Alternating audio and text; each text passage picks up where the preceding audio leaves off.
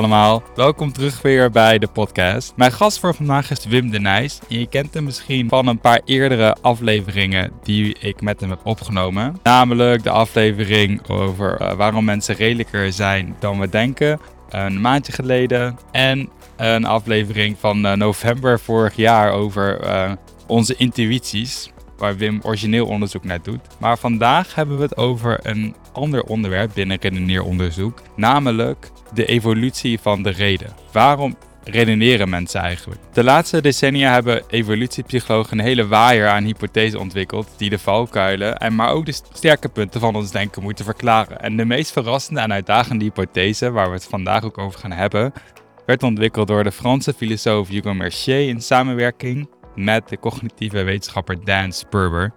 Volgens hen vergissen we ons over de biologische functie van ons redeneervermogen. Doorgaans gaan we ervan uit dat ons brein dient om tot waarheid te komen, om objectieve kennis over te doen over de wereld. Maar wat als dat beeld van de, de eenzame zolderkamerdenker, van de denker van Rodin, van Descartes mediterend op zijn zolder, niet het juiste beeld is van de oorsprong van onze rationaliteit. Maar als we de evolutie van de reden veel meer moeten zien in een groepscontext, in een sociale context, in discussiëren en argumenten. Nou, volgens deze theorie vallen een heleboel puzzelstukjes over onze cognitieve psychologie dan op zijn plek. En het blijkt ook dat we, als we dit eenmaal uh, aannemen, heel veel andere dingen ook kunnen. Dus blijkt bijvoorbeeld dat in zo'n groepscontext heel veel van onze biases, onze denkfouten, heel makkelijk af te leren zijn. Of heel makkelijk, uh, dat je die heel makkelijk kan laten verdwijnen als onderzoeker.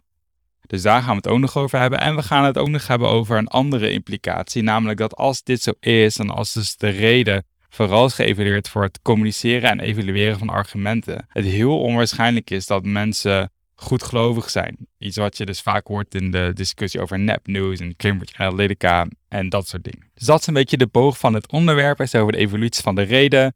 Uh, en dan een paar praktische applicaties. Um, en we beginnen met de vraag uh, van mij aan Wim, waar we het eigenlijk over hebben. Als we het hebben over de evolutie van de reden, want dat klinkt een beetje als een abstract onderwerp. Veel luisterplezier met Wim, die overigens cognitief psycholoog is aan de Universiteit eh, van Sorbonne in Parijs. Volgens mij had ik dat nog niet gezegd.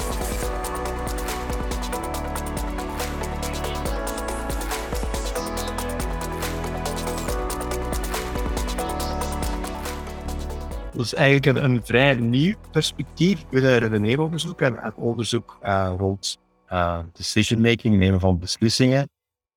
Want binnen de cognitieve psychologie bijvoorbeeld is er uh, de laatste 50 jaar zeg maar veel onderzoek gebeurd naar hoe redeneren mensen, wat zijn de processen die mensen gebruiken om te kunnen redeneren.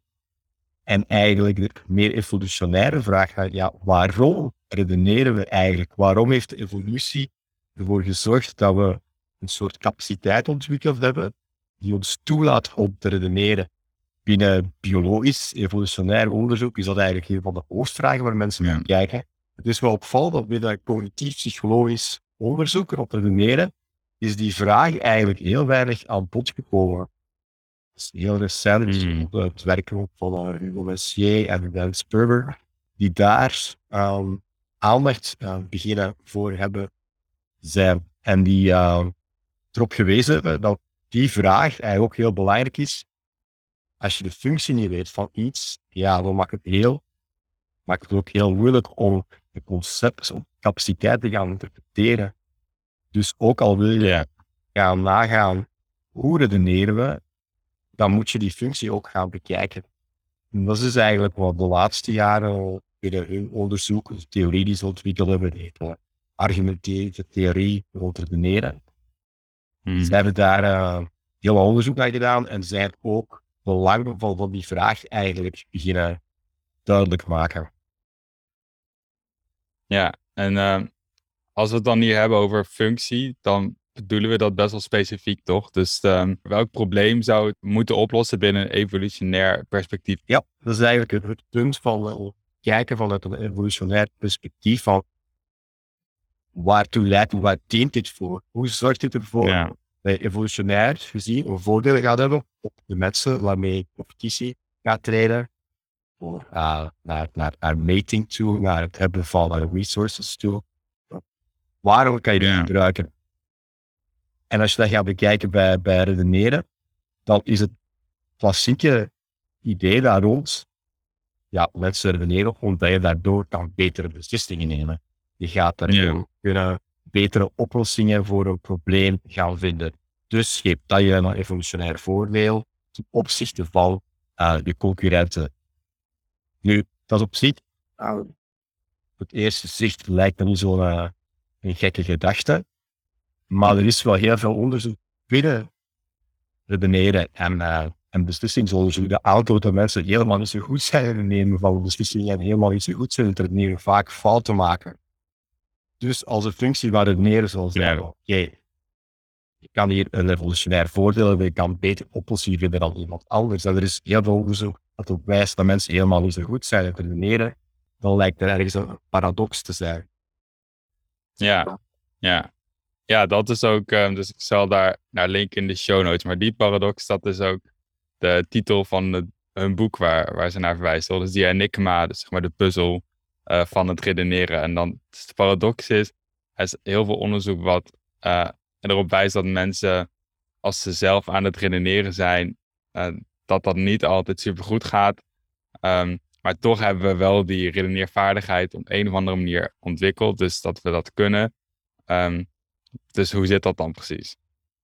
Ja, dus zij zijn nagegaan, dus we eerst hebben aangetoond in dat boek, en we een van de belangrijke artikels, is dat ja, een klassieke bevinding binnen cognitief psychologisch onderzoek, dat mensen vaak fouten maken, mensen vaak uh, biases vertonen, dus verstoringen van het denken, misleid worden door intuïties.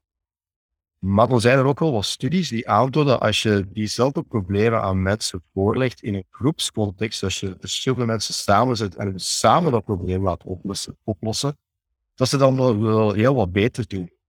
En dat je bijvoorbeeld ziet van, ja. als in een grote groep één iemand een goed argument naar voren brengt, dat hij dan heel makkelijk de rest kan overtuigen van zijn argumenten en ervoor kan zorgen dat de rest van de groep het argument gaat overnemen en daardoor ook dat probleem zal kunnen oplossen.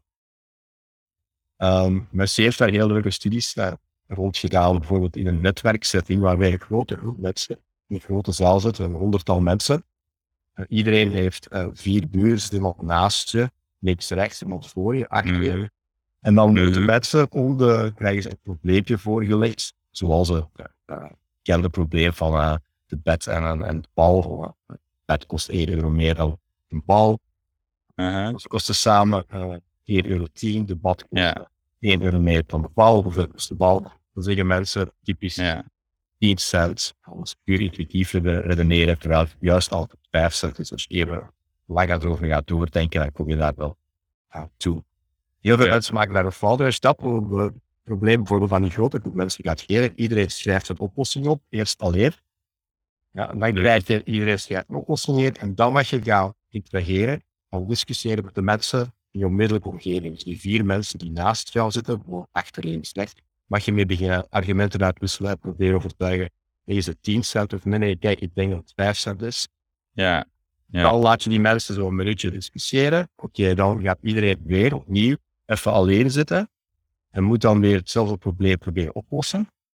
En zo ga je nadien weer een minuut en krijg je mensen, dan kan je eigenlijk zien wat er gebeurt als ergens in het netwerk, mensen als één iemand het goede antwoord geeft, waar dan ziet dat heel snel de goede antwoord gaat verspreiden. Dus de mensen die rond de persoon zitten, gaan ook de volgende beurt het goede antwoord geven met het goede argument. De mensen die, die, die daarnaast zitten, gaan dat die ook het goede antwoord kunnen geven. En heel is het snel zie je de goede Ja. antwoord over heel dat netwerk verspreiden.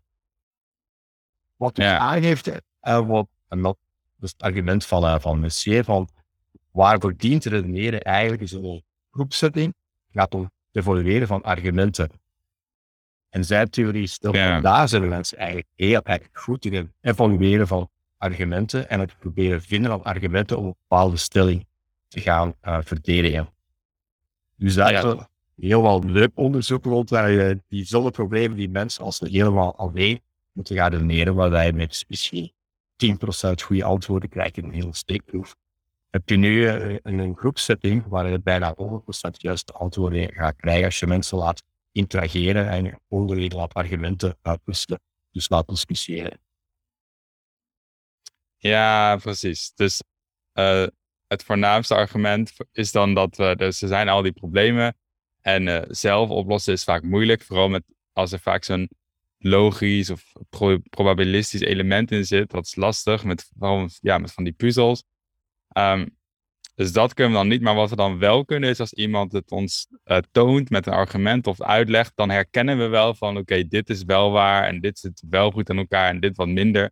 Dus dan, want je, wat je dus niet ziet in die studies is dat um, de helft gelooft het niet of, of is te koppig of uh, herkent het goede argument niet en het verspreidt niet, maar het verspreidt wel over het hele netwerk. Dus dat argument herkennen en dan um, daar zijn we dus wel goed in. Ja, dat is eigenlijk heel, uh, ja, heel uh, grappig, heel interessant om, om te zien ja. hoe zo'n goed argument zich in, in, in real life, in real time, gaat verspreiden in, in een groep. En hun argument is natuurlijk dat zo uh, menselijke intelligentie en menselijke cognitie werkt als je in een groep, als iemand een probleem heeft, waar heel goed mee, vaak mee geconfronteerd wordt, vindt daar een oplossing voor. Dan gaat die oplossing zich heel snel ook in de groep kunnen verspreiden, omdat je het kan argumenten geven en kan gewoon wel meekijken, je moet het zo doen, want als je dit doet, dus dit, en als je het niet zo zou doen, dan gaat dit gebeuren. Dus moet je X doen en niet Y. Dus je bouwt eigenlijk een argument op. En dan verspreidt zich op het moment dat je goede argumenten hebt, om een bepaalde oplossing of idee te verdedigen, dan staan mensen daar wel open voor. Dus we hebben wel een capaciteit om ja. argumenten te gaan zelf te genereren en ook te gaan evolu evolueren. Het probleem een beetje ja. uh, dat kan er ook toe leiden en, en vaak is um, die theorie van uh, Messier en, en, en Sperber wordt daar soms wel vergezelsd. Dat kan ook wel toe leiden dat mensen gaan misleiden. Want als ik jou een, uh, een, bepaalde stelling of een bepaald idee een verkeerd argument geef, dan zou het ook wel kunnen dat dat verkeerd argument in de groep gaat verspreiden en mensen uh, foute overtuigingen gaan, gaan genereren, bijvoorbeeld. Nu, dat kan op zich gebeuren, maar bijvoorbeeld die proefjes aantonen met die logische redeneerexperimenten, dat dat eigenlijk op zich niet de norm is. En dan vaak mensen wel ja. heel foute logische argumenten kunnen onderscheiden. Natuurlijk, als, je kan, als ik je een argument kan geven en kan jou daarmee beïnvloeden, dan zijn er ook, zullen er ook wel situaties zijn waarbij je mensen een foutief argument kan geven. En dat dat foutief argument zich gaat verspreiden. Ik kan dat niet vermijden, maar het is eerder uitzondering naar regel, zeg maar. En vaak ja. die, uh, die theorie dan gelezen als van ja, kijk, uh, ik kan mensen makkelijk misleiden, ik kan met argumenten mensen gaan redeneren om de waarheid te kennen, ze gaan even gaan redeneren om anderen te overtuigen en in de zin van anderen te gaan misleiden en proberen mijn visie op te dringen aan de rest van de groep. Hmm. Dat kan gebeuren, die situatie, maar het is niet zo dat de theorie stelt dat de worm zal zijn. Nee, want ik denk ook een voordeel van als je zegt de functie was niet per se om zelf naar een betere idee te komen, maar om te herkennen als iemand anders eigenlijk een goed idee heeft of een goed argument, dan kan je ook van veel meer mensen um, profiteren eigenlijk, in de goede zin van het woord. ja. Um, maar ja, dat werkt natuurlijk alleen als je, als je dus wil pro, ja, profiteren of er voordeel van wil hebben dat andere mensen een goed argument hebben. Um, dat werkt dat alleen als dat niet Um, als het niet vaker gebeurt dan dit, dat je niet profiteert van een goed argument, maar dat je misleid wordt door een argument wat zij hebben, wat dan misschien wel goed is, maar um, ja, misleidend is. Um, dus dat hele idee van samenwerken en, en uh, ja, profiteren van de argumenten van andere mensen werkt natuurlijk werkt ook überhaupt alleen als we dan niet te vaak uh, dat misgaat. Dus dat die samenwerking niet voor beide mensen gunstig is. Ja, exact. Want dan zou het ook evolutionair gezien moeten uitdoen als niet iedereen er voordeel van heeft. Ja. Als als samenleving geen voordeel is, dan gaat misschien één iemand op een bepaald moment wel kunnen gebruik maken van het feit dat ik heb een fout argument, ik kan jou misleiden, ik kan er zelf even voordeel mee, mee halen. Maar op lange termijn, mm. de hele samenleving kan natuurlijk nadeel ondervinden, dan maakt dat de samenleving evolutionair gezien zal benadeeld worden ten opzichte van een, een, competitor, een samenleving die wel het goede argument gebruikt. Ja. Dus dat is eigenlijk de, in die zin speelt evolutie weer meer. Die thees van je gaat bekijken naar payoffs, van wat, wat kan je eigenlijk als samenleving, hoe snel kan je vooruit gaan? Ja, als jij beter bent in bedenken van goede oplossingen voor een bepaald probleem, dan ga je natuurlijk meer middelen kunnen genereren. Je gaat economisch gezien bijvoorbeeld sneller vooruit gaan dan een samenleving niet doet. Dus op die manier je dan een evolutionair voordeel en ga je uh, die andere mensen waarmee misschien die situatie, ga die uh, kunnen um, ja, outcompeten. Ja, dus het kan niet alleen maar zijn dat het gaat om, uh, alleen maar gaat om mensen overtuigen, mensen zeg maar mijn, mijn wil opleggen en dat ik dan dominant word, zeg maar. Want dat moet ook gegrond zijn, die argumenten, in bepaalde kwaliteit. Dus, want anders dan werkt de hele, het hele idee niet meer. Dus ja. dat idee, dat die vaardigheid om goede argumenten te geven en te herkennen, dat, dat zijn eigenlijk twee kanten van dezelfde medaille. Dat gaat hand in hand. Ja, dat is wel het idee, dat het evolutionaire idee dat erachter zit. Moesten die argumenten niet goed zijn, moesten de mensen die goede argumenten van de slechte niet kunnen scheiden, typisch. Het rare geval waar dus een, een uitzondering zal zijn, kan natuurlijk altijd optreden, maar moest het niet zo zijn dat mensen die capaciteit hebben, ja, dan zou je als samenleving ook niet vooruit gaan en dan zou je gewoon anderen die wel die tactiek zouden toepassen of wel in staat van die argumenten goed te gaan evalueren, dan ga je daar gewoon evolutionair nadeel van ondervinden en gaan die mensen jou vervangen op lange termijn. Ja, ja, precies. Dus het hoofdinzicht wat we nou leren van die theorie en als we die vraag stellen van, van waarom kunnen mensen eigenlijk redeneren is um, dat het dus niet zozeer gaat om ik zit zelf na te denken en dingen op te lossen, maar meer dat ik kan met andere mensen de argumenten kan uitwisselen en dat ze dan met z'n allen beter kunnen worden eigenlijk. Dat is, dat is hoe we de reden en de redeneervaardigheid moeten zien. Ja, en dan het, het geval waarbij mensen heel individueel gaan redeneren. Want natuurlijk heb je altijd type en Dus iemand die uiteindelijk een bepaald idee moet voorstellen natuurlijk met het argument in zich moet komen. Het idee daar is dat dat gewoon een soort van verwendiging is van dat externe denkproces waar je normaal gezien in een discussie, in een groepsetting, als ik gewoon argumenten ga, voorbe ga maar voorbrengen voor een bepaalde stelling, jij komt met een tegenargument. Wat mensen dan doen als ze eigenlijk argumenteren helemaal alleen, is dat gewoon een soort interne versie van dat soort discussie. Je hebt gewoon een discussie met jezelf. Dat is het, het idee. Dus hoe is redeneren dan redeneren in een, uh, in een geïsoleerde setting ontstaan? Wat is daar gewoon een volk van? Je gaat gewoon een soort interne monoloog met jezelf hebben, waarbij je dan zo proces gaat simuleren. Dus ik breng gewoon argumenten aan, ik zoek het tegenargument, et cetera. Ja, dus eigenlijk als je zelf gaat nadenken, ga je dat ook proberen na te bootsen. Van oké, wat ja. zou iemand zeggen die het er niet mee eens is? Wat zou, wat een ander perspectief wat ik hierop kan, uh, uh, kan inbrengen? Dat, dus dat is eigenlijk, dus het is, gaat eigenlijk eerder andersom. Dus dat, het is niet zo dat dat groepsdenken een soort van verlengd is van dat individueel denken, maar het is meer zo dat dat persoonlijk denken, dat gebruiken we eigenlijk de dingen, de technieken, zeg maar, die we oorspronkelijk hebben geleerd of, of beheersen, omdat ze nuttig waren in zo'n groepscontext. Dat is eigenlijk een idee van hoe het meer ontstaan. Want eerst is het een groep van mensen ideeën uitwisselen. En is het soort verwendiging van dat proces wordt dan eigenlijk uh, ja, als, als uh, binnen psychologie nadien als, als norm is vergeven. Het innerlijk denken, één persoon alleen die een probleem oplost. Terwijl stellen Mercier en, en, en Spurger, dat is eigenlijk gewoon het gevolg van dat groepsproces. Het ene, ja. het innerlijke denken is eigenlijk uh, de latere evolutie van wat dat in, in uh, eerste instantie vooral een, een groepsproces was. Hmm.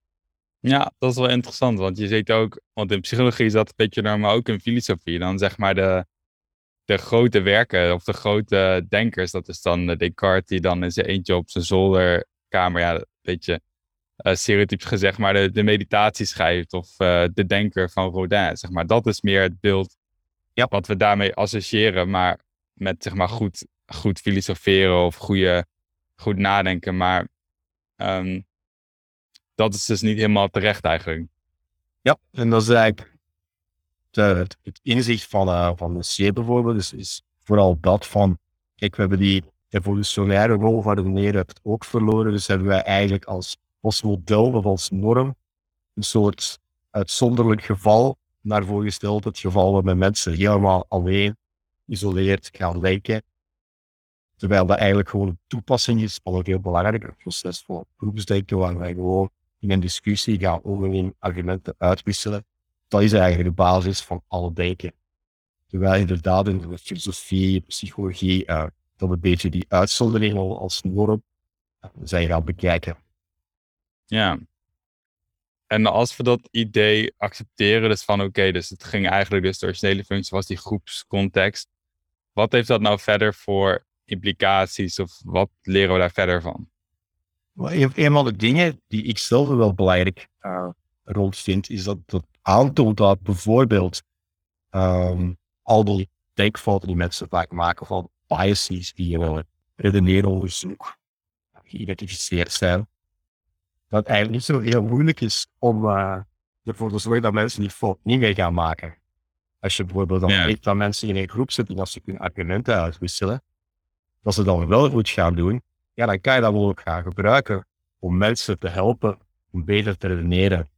Wij hebben bijvoorbeeld met, met onze groep een aantal gelijkaardige dingen gedaan, waarbij we mensen gewoon heel kort, als ze een denkfout maken, even uitleggen in heel uh, plain English en gewoon heel uh, gemakkelijke taal. Zeg van ja, kijk, nee, bijvoorbeeld het probleempje met de, de, uh, de bed en een bal van jij denkt dat het 10 cent is. Ja, kan eigenlijk mm. 10 cent zijn, anders tot de samen te veel kosten.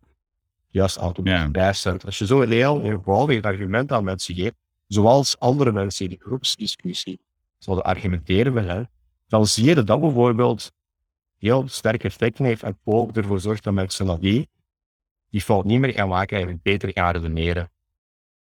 Ja. En dat is een heel eenvoudig voorbeeld van een logische denktaak. Maar de heeft dat ook gebruikt bijvoorbeeld om uh, alledaagse redeneringen en rond bijvoorbeeld wetenschapsmisleiding te gaan aanpakken.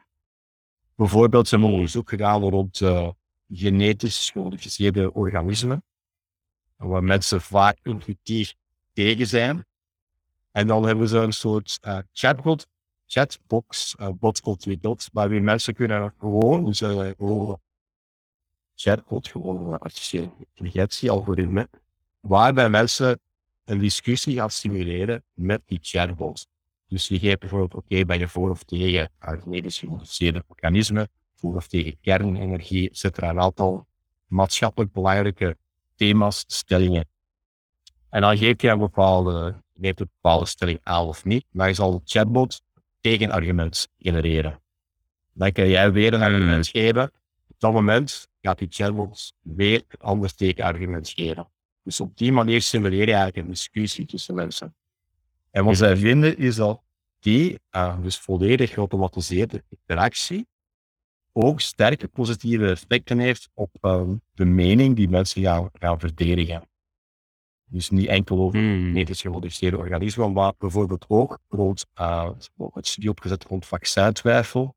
En daar blijkt ook heel goed te, te werken. Dus mensen die twijfels hebben over de nut, het nut van vaccins of de betrouwbaarheid, waar je gewoon argumenten uitwisselt en dan blijkt na de discussie mensen wel een positieve beeld van het vaccin hebben en bijvoorbeeld vaak ook een sterker, uh, als je gaat meten hoe geneigd ze zouden zijn om zich te laten vaccineren, daar ook een positief effect op krijgt. Dus die groep van de C is daar ook bezig met heel concrete problemen, dus een theorie, ja. al heel concrete problemen te gaan aanpakken waar we als, uh, als samenleving mee, mee worstelen. En dan zie je wel, dat vind ik zelf het leuke van dat die theorieën, wat is de, de rol van redeneren, wat is de evolutionaire basis, dat te gaan toepassen, dat ook concrete problemen kunnen aanpakken en mensen daar ook gaan helpen, of de samenleving, zeg maar, vooruit gaan helpen.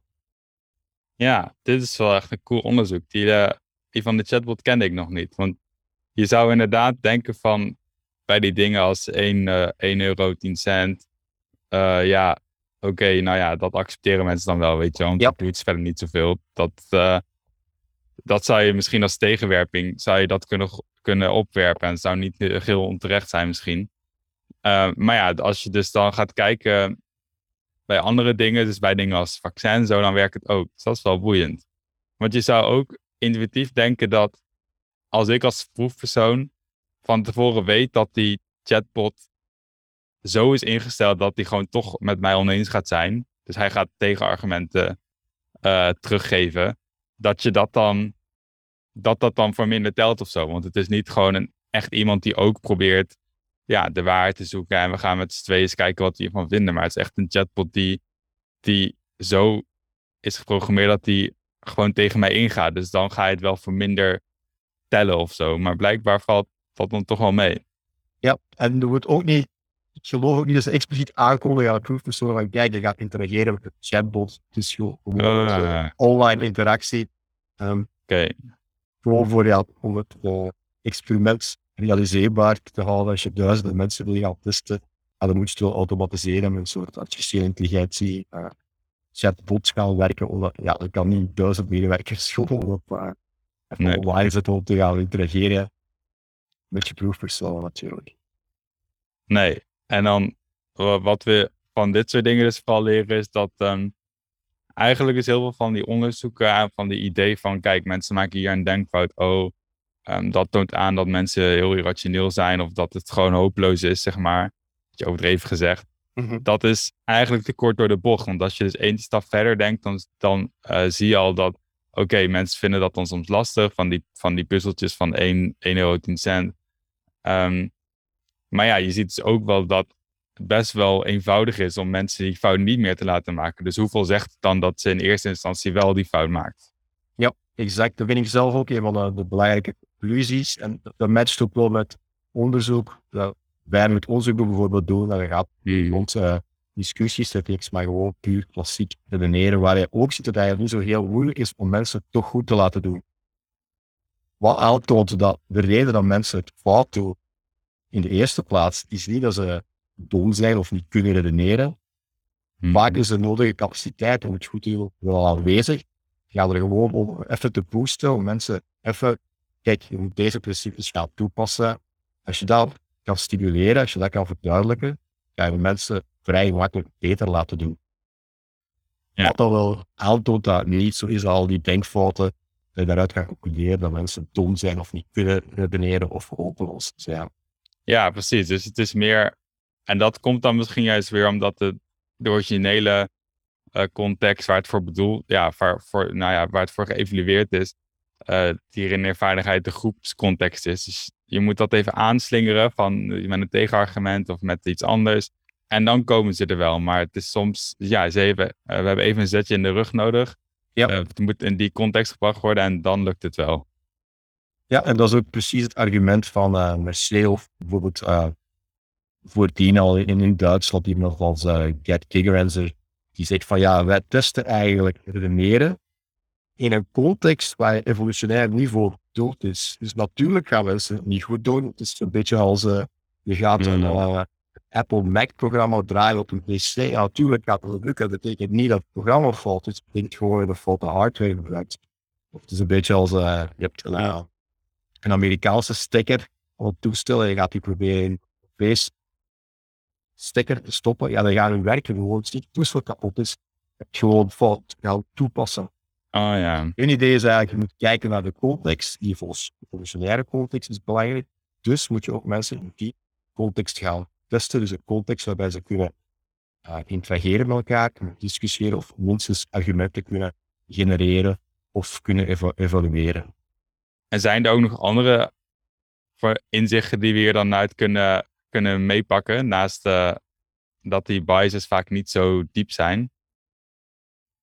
Ja, een van de de grote discussiepunten op dit moment binnen het domein is bijvoorbeeld rond, fake news en uh, uh, samenzweringstheorieën, conspiracy theories. En mhm. hoe vatbaar mensen daar eigenlijk voor zijn. Er wordt enorm veel onderzoek rond gedaan op dit moment. Omdat ja, het is op zich wel een belangrijk thema. Maar krijgt heel veel aandacht omdat we mogelijk bijvoorbeeld denken aan de Amerikaanse verkiezingen, waar je het schandaal met uh, Cambridge Analytics, die dan via Facebook uh, kiezers invloed hebben en een bepaalde Mhm. informatie meer hebben gedeeld dan andere informatie. Uh, kunnen gaan identificeren welke mensen het meest geneigd zijn of die aan twijfel zijn tussen democraten en republikeinen of die dan specifiek te gaan targeten. Dat soort dingen. Dus daar is heel veel aandacht voor, omdat er van uitgegaan wordt van, ja, dat is hier een, massief probleem. Uh, mensen worden beïnvloed. Ja, je kan ze dingen laten geloven die foutief zijn, fake news. Kan ze bijvoorbeeld vaccins, samenzweringstheorie laten geloven waardoor ze zich niet gaan laten vaccineren. Wat de, mm. de groep van, van bijvoorbeeld van Messier daar aanlegt, is van dat de dingen daar ook niet zo erg zijn als ze misschien eerst lijken. De mensen niet zo blind beïnvloedbaar zijn als er vaak wordt uh, dat soort onderzoek wordt voorgesteld. Ja.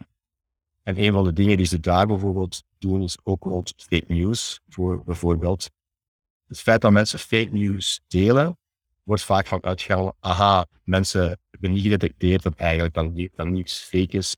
Uh, ze realiseren zich niet en ze gaan het gewoon delen. Andere mensen doen hetzelfde. Dus mensen zijn heel makkelijk beïnvloedbaar. Mm -hmm. Wat uh, Messier en collega's vanuit hun theorie eigenlijk naar overbrengt van ja, wacht eens, met, waarschijnlijk zou kunnen dat mensen die detecteren dat niets fout is. Maar het zou dus heel goed kunnen zijn, moesten ze heel goed weten dat dat nieuws inderdaad niet betrouwbaar is, maar ze gewoon andere functie of een, een ander doel hebben met het delen van fake nieuws, louter dan het puur ja, delen van informatie. Bijvoorbeeld, als jij Ja. heel gek nieuws van Donald Trump gaat delen, bijvoorbeeld, die zegt van Joe Biden heeft de verkiezingen gestolen, eh, helemaal niet gewoon. Als je dat gaat delen, betekent niet noodzakelijk dat je Donald Trump gelooft, maar ik kan ook gewoon willen zeggen dat je naar je groep toe, bijvoorbeeld diehard Trump supporters of republikeinen, gewoon wil tonen van kijk, ik ben loyaal met die groep. Ik verdedig hier een punt dat andere mensen binnen mijn groep ook verdedigen. Ook al weet ik zelfs uh, misschien dat het niet waar is. Het gaat hier niet om waarheid, informatie delen. Het gaat er gewoon door, want kijk, ik ben een goede jij bent zoals jullie, ik kan mij vertrouwen. Dus als je dat soort dingen in rekening neemt, dan Ja. werd dan heel ander licht op, uh, op dat hele, die hele discussie. Ook op onderzoek rond uh, het delen van fake news, bijvoorbeeld.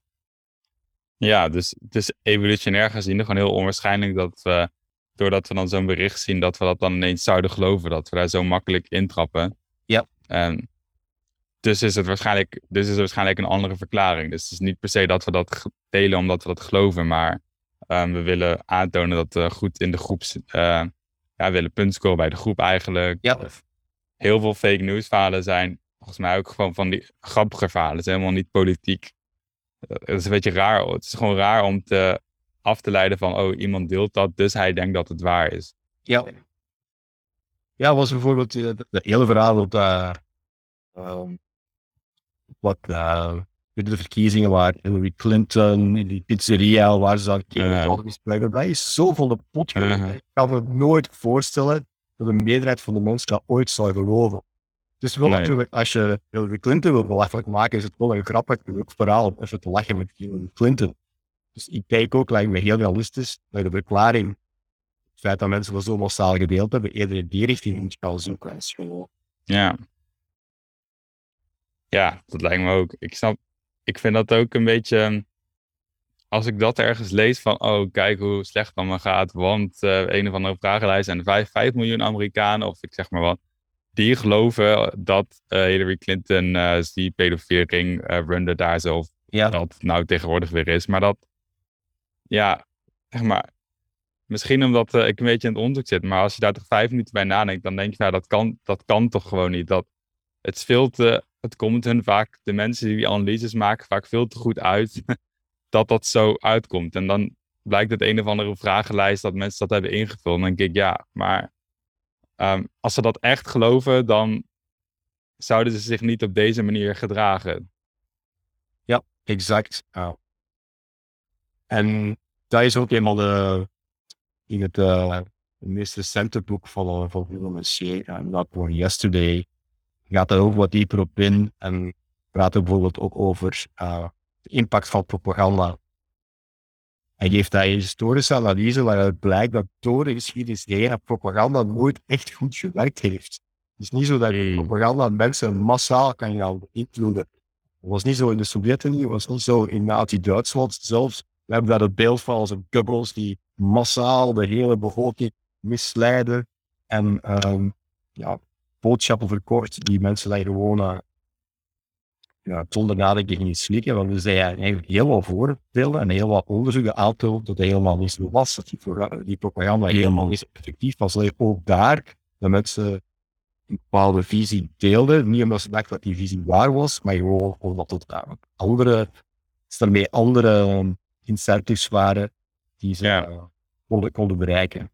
Ja, dus je ziet eigenlijk zelden dat mensen door van die massacommunicatie daadwerkelijk van, van mening veranderen. Ja, en dat is ook bij die, de, die hele hetze-rollen, bijvoorbeeld Cambridge Analytics, ja. de Amerikaanse verkiezingen zouden beïnvloed hebben. Want bedrijven ondertussen failliet gewoon dat niemand er nog ja. mee wil samenwerken. Maar het punt is eigenlijk dat die technologie helemaal niet zo efficiënt was en is. Dus het is niet zo dat die massaal mensen kunnen misleiden. Um, het is eigenlijk heel grappig dat PR-opzicht van uh, hadden zij een technologie die helemaal niet zo efficiënt is, maar toch ging iedereen vanuit dat ze een massale invloed hebben gehad op de Amerikaanse verkiezingen. Um, ja. Dus daar zit ook wel zie je die hele, de hele idee van, ja, oké, okay, uh, mensen kunnen niet redeneren, kunnen niet waarheid van uh, valsheid onderscheiden.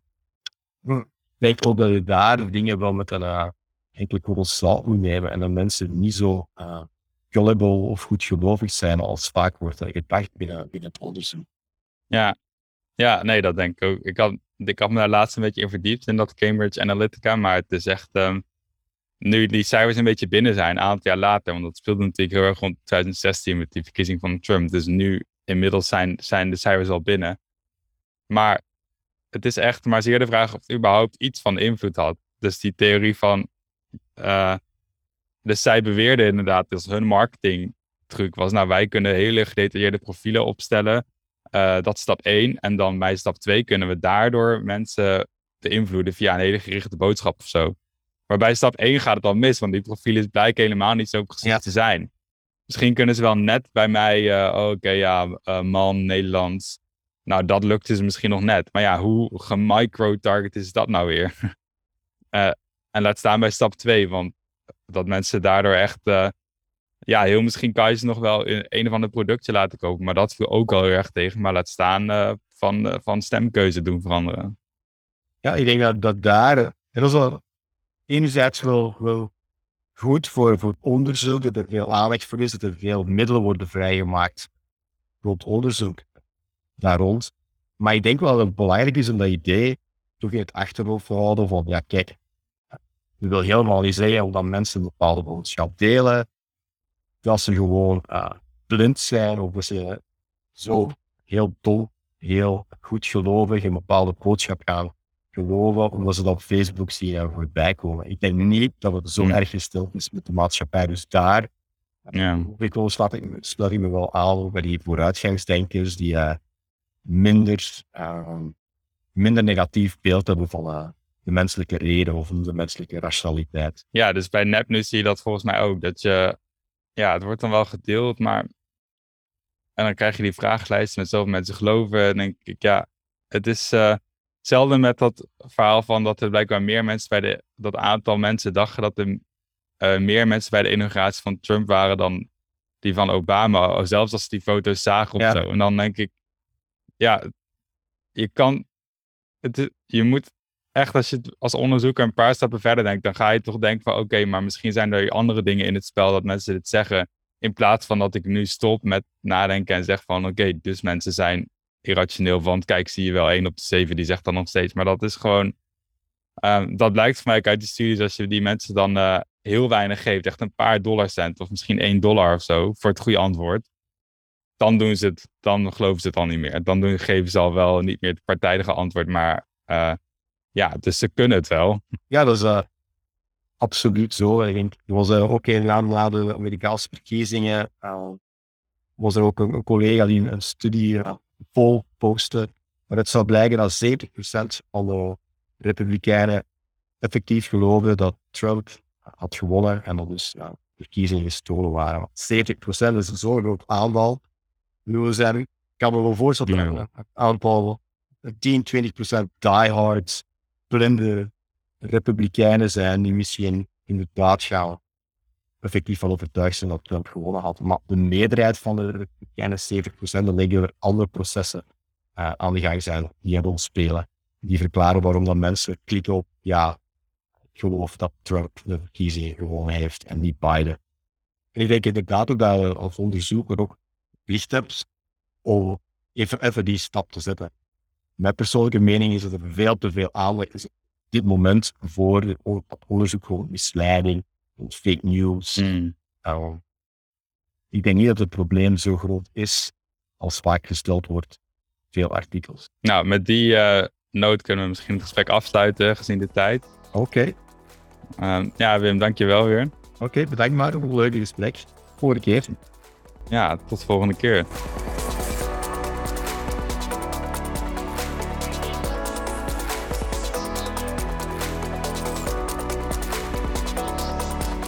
Superleuk gesprek vond ik zelf. Altijd gezellig met Wim en nuttig. Bijzonder en wonderenswaardig hoeveel hij weet over die redeneeronderzoek en hoe makkelijk die dat zo uit zijn mouw schudt ook. Wat voor mij toch wel het meeste bijblijft uh, van dit gesprek, is toch echt hoe makkelijk al die biases en zo verdwijnen in zo'n groepscontext. Dus de groep, de context waar dus de reden voor geëvalueerd is. Dus zo diep, zo veelzeggend zijn, zijn die dingen niet. Uh, het ondersteunen niet de conclusie dat we heel irrationeel zijn. Zelfs een chatbot werkt en zelfs bij van die gevoelige onderwerpen als vaccinatie. Ja, het is gewoon, dat vind ik gewoon super boeiend. Ik hoop jullie ook en dan spreek ik jullie over een paar weken weer.